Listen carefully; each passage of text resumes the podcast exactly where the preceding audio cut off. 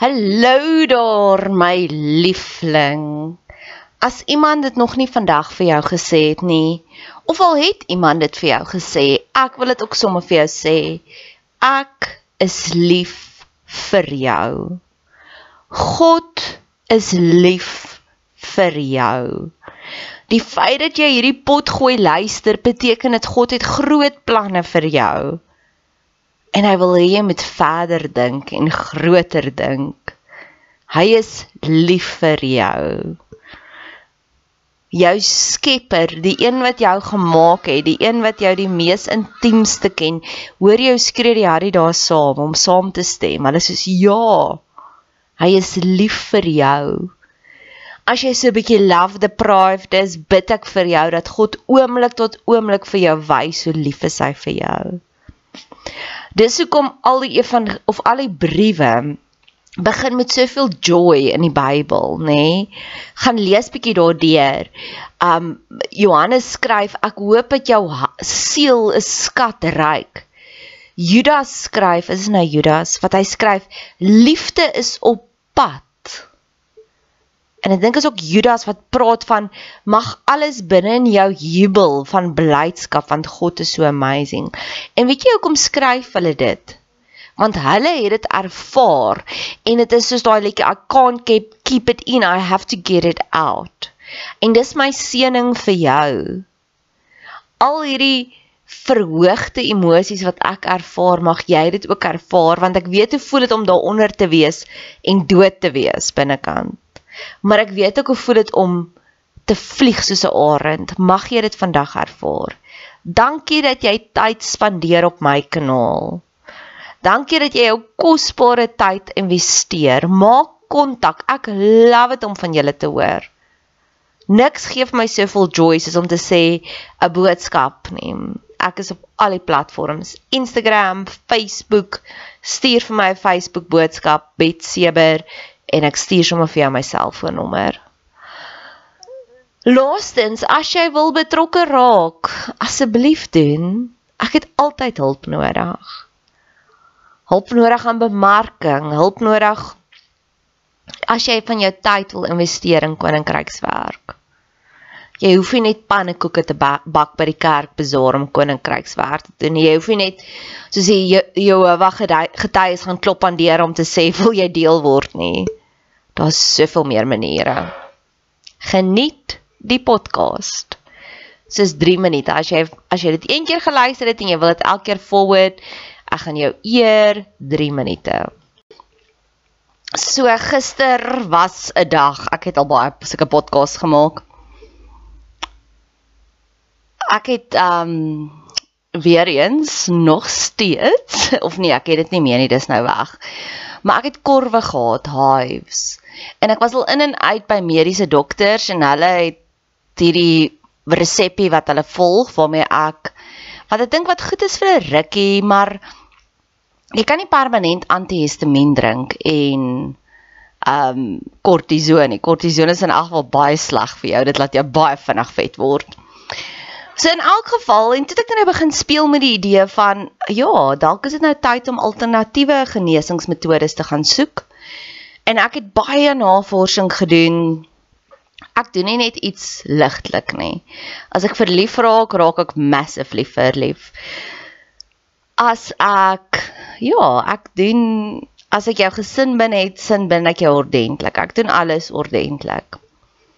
So ek doen toe 'n navorsing oor hierdie homeopate en daar's eenetjie wie se naam toe nou kop en skouers bo die res uitstaan en dit is deur iemand voorgestel wat ek regtig waar ek dink daai familie they've got it sorted. So as hulle sê hierdie persoon is 'n goeie persoon dan weet ek. Hulle het hulle navorsing gedoen. Hulle weet waarvan hulle praat. So ry ek al die pad na Pretoria Oos toe gister. Ek werk vir myself vir julle uh, hele dingetjie uit van ek gaan eers na daai Chinese winkel toe gaan. Daar's 'n Chinese supermarkwinkel en dan gaan ek um na die dokter toe gaan en dit en dat. Nou having said that, ek is in hipnose terapie ook. So ek en ek het 'n bediening gehad en ek is 'n mondhygiënis. So ek weet ek toets eers mense terapeute voordat ek vir hulle te veel vertel. So ek kyk eers, weet jy wat, weet jy meer as ek? Is jy slimmer as ek? en ek sit nou voor hierdie ou gister. My is my ouderdom. En hy maak eers 'n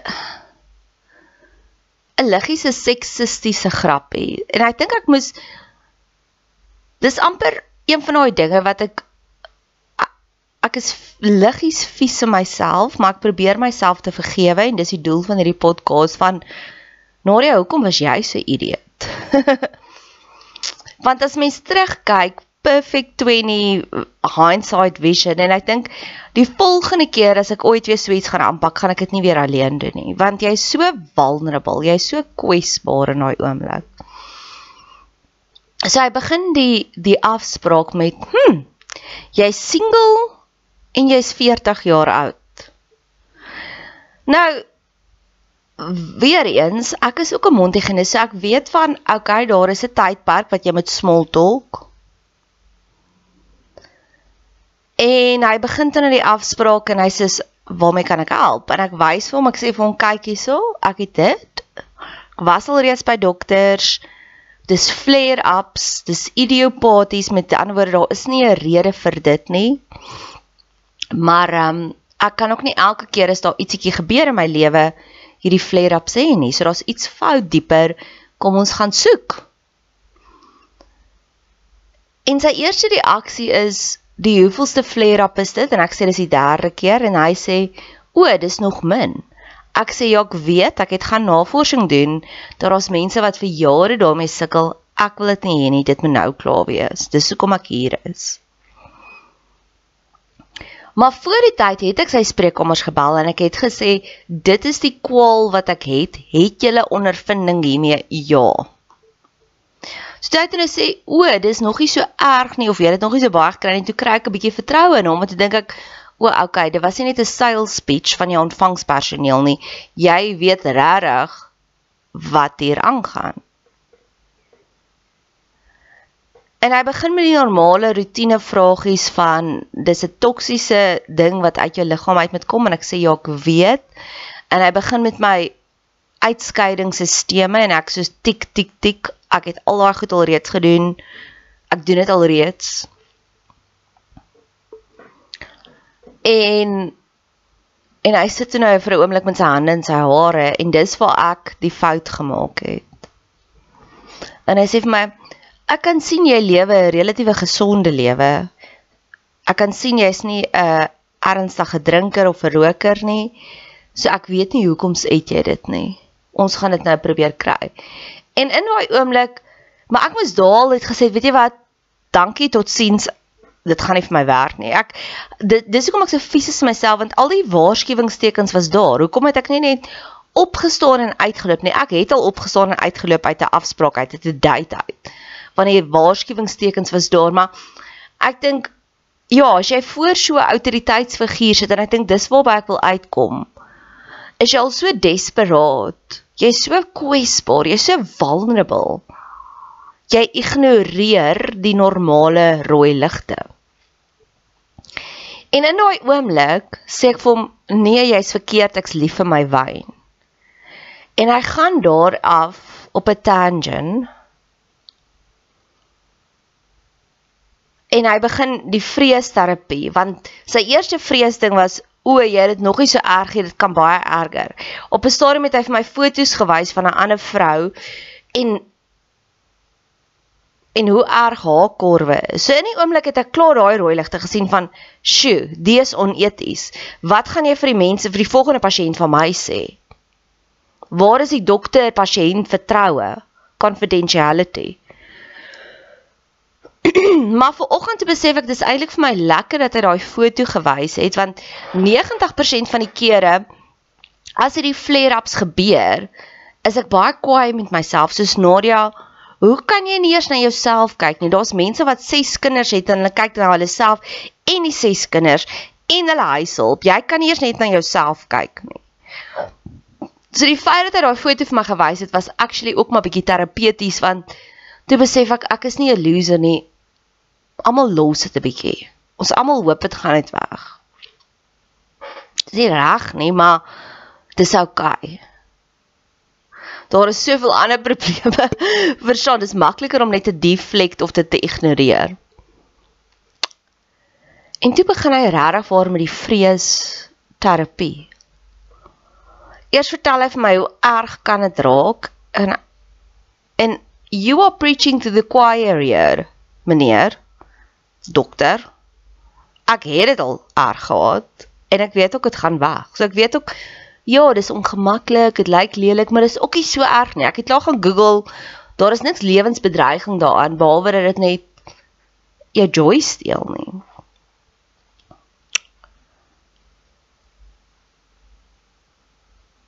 En toe Toe gaan dit nog erger. Toe sê hy vir my, dis jou lewer. Nou dink ek, maar nou op daai stadium was ek nog kognitief nog nie heeltemal in survival mode nie. Ek was nog slim. Dis ek vir hom, jy's verkeerd. Dit is nie my lewer nie. 1, ek weet wat is die simptome van as jou lewer hulp roep ek het al genoeg wyn gedrink om te weet jy jaag nou nonsens aan en dan het ek al lewer ek sal nie sê probleme nie maar die lewer is amazing orgaan hy is hy maak baie vinnig homself gesond dis soos 'n mondseertjie so ek weet hoe dit voel as ek te veel al gedrink het en Ek weet hoe dit voel as my lewe nie lekker is nie. Tweede van alles gaan ek genoeg na 'n refleksioloog toe om te sê, voel asseblief al daai interne organe en daar's een orgaan wat die heeltyd oppop. Dis my spleen, my milt. Wat sy so 'n bietjie sê, "Sjoe, daar hy's nie baie happy of hy's nie Dis die enigste orgaan wat al ger orange flag is. Dis nog nie eers 'n endangered species nie. Dit is kom ons kyk net mooi daarna. Maar lewer, gal, maag, dik darm, dun darm, alles van dit blaas kry altyd 5 sterretjies. Baarmoeder the work. En toe toe ek toe nou hom challenge, toe gaan hy nog nog dieper in vrees mode in om te sê, ja nee, lewerkanker is 'n baie ernstige ding. Nou, eerste van alles, my ma het kanker gehad. So daai toe hy dit sê, was ek dadelik in die 13 jarige mode. Die eerste keer toe die diagnose gekom het van my ma. En die trane het opgekom by my en ek was soos En nou besef ek daai ou was 'n idioot. Hy was oneties. En hy het net hierdie pleister op die kant van sy oog En ek sê vir hom wat het daar gebeur? en hy sê nee, hy het kanker eergister by hom uitgesny. So hy's getrigger en ek weet ek was ook al daar. Ek het eendag 'n vriendin van my se broer is oorlede as gevolg van mondkanker en ek het elke liewe letseltjie in die mond in my pasiënte se monde het ek gesien ek het niks geïgnoreer nie. Maar ek het nooit vir hulle gesê hoor hier dit nie ek het dit so reg hanteer cuz I've been there done that a t-shirt ek weet hoe daai woordjie voel met iemand wat 'n wit jassie aan het. So my oulike dokters het my maar net so bietjie gehumor vir so 6 maande wat ek vir hulle gesê ek sien 'n letsel want hulle sê dis niks. Dan het ek weer gesê ek sien 'n letsel en hulle kom kyk en sê hulle is nog steeds niks nie. En eventually was daai fase ook uit my uit. Maar wat gebeur het en ek wil daaroor met jou praat wanneer jy wel vir hulp gaan roep en jy stap daar uit met geen hulp nê of nee ek het darm een hulp hy het 'n bietjie met my gepraat oor dalk my suurvlakke wat te hoog is en dit maak sin. Dit kan dalk net so iets so klein wees. Ek weet dit is ietsiekie net so klein wat iewers net nie reg is in my liggaam nie. En so ek het alkaliese poeiertjies wat ek nou drink. Maar die die die bottom line is wanneer jy gaan vir hulp soek en jy stap daar uit banger meer vrees as van tevore en jy het geen hulp nie. En Ek het daarna het ek met 'n vriend gaan kuier en hy het my baie mooi geground die hele tyd. En hy het baie mooi met my gepraat en daai was ook vir my 'n oomblik want een persoon het my nie reg hanteer nie en in plaas daarvan dat dit gefester het en ek kans gegee het vir dit om te groei, het ek ander mense gehad wat dit die hele tyd geneutraliseer het want ek het later die aand het ek ook gekuier met my vriendinne en hulle het ook my kant gevat. En ek ek is besig deur 'n detox proses van die patriarg in my lewe. en ek het besef ek was highly triggered want dis wat die patriarg sou doen. Ek sou na hom toe gegaan het as met 'n probleem soos o my linker twintjie is seer. En dan sal hy vir my sê ja, maar jy moet eers jou kamer gaan regmaak. Kyk hoe slordig is jy. Jy doen akademies nie goed nie. As jy al daai goed reg doen, dan sal ek dalk vir jou aandag gee oor die toon. Dis nou baie opgeblos, maar dit was die patroon van my lewe en dis wat gister ook daar gebeur het. Ek het gegaan met een probleem en ek het uitgestap met nog meer vrese. En gelukkig is ek ook nou nie meer daai 13-jarige dogtertjie wat net 'n pa het wat vir hom beskerm nie. Ek het nou soveel mense wat sal intree en sê, "Hush, hush, dis okay, jy's okay." Dis net die dis net hierdie persoon wat die probleem is. En dit dit dit maak my hartjie so seer want dis juist hoekom ek dit love en ek glo ek is geroep om in die mediese veld te wees want Ek het al soveel pasiënte gehash hash, jy's okay. En soveel gaste by die bediening wat ek het. Want hulle sal instap met een probleempie en hulle sal uitstap met baie ander by terapeut. Ek het eendag met iemand gepraat wat in 'n abusive verhouding was en sy het vir my gesê sy het al soveel kere gaan raad vra en dan sal almal vir hulle sê maar ag God haat egskeiding, jy kan nie skei nie, fix dit. En ek sê, weet jy wat, as daai persoon toksies is vir jou, moet jy daai uitklim in dieselfde by pasiënte en dan sal hulle sê ek weet ek was 6 jaar laas by tandarts by die laaste keer het die ou vir my gesê al my tande gaan uitval. Hulle gebruik daai vreespatroon om jou gehoek te kry want dit was wat hierdie homeopaat vir my gesê het. Gebruik hierdie detox. Dit gaan erger word. Wat ek verstaan dit dit om te detox gewoonlik word dinge dan erger. En dan moet jy 2 weke later weer terugkom en dan gaan ons baie toets op jou doen. So dude, ek het gekom met 'n probleem. Jy sê vir my jy gaan vir my al die pille gee waarvoor ek moet betaal, wat dit gaan erger maak. Dit gaan nie help nie en dan moet ek weer terugkom na jou toe. Jy's 'n idioot as jy dink ek gaan vir jou val. Rarig. En hy het 'n thriving praktyk. So daar moet soveel mense wees wat dit voel vir my soos 'n scam wat vir die scam val. So een sê hy, ek het geen cooking clue wat dit is nie. Maar koop gou-gou 'n bietjie hierdie goedjies, dalk gaan ek jou dan fix. En dis juist hoekom ek regtig vir haar partykeer uh, gewalg is deur die mediese industrie. En dis juist hoekom ek alternatief gaan want ek het al genoeg mense gewitness wat jy gaan in met hierdie klein probleempie en dan vind hulle doen jouself 'n guns. Ek is kanker triggered. As jy iemand vir jou sê o, hulle het kanker, sê vir hulle hoe het hulle dit uitgevind? Want die mense hoe hulle daai diagnose vind, hulle het een of ander snaakse heup probleem en dan gaan hulle in en dan doen hulle bloedtoets en dan kry hulle kanker en dan word hulle begin behandel vir die kanker en dan dan vra ek vir hulle, "Het jy nog steeds 'n heup probleem?" "Ja, maar die kanker is nou baie erger."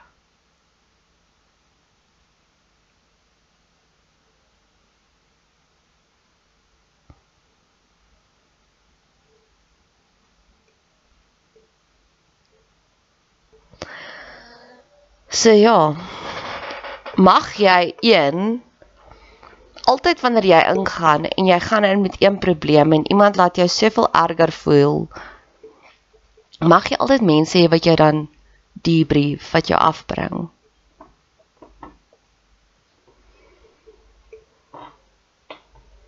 Mag ek die lessies wat ek moet leer met pride leer?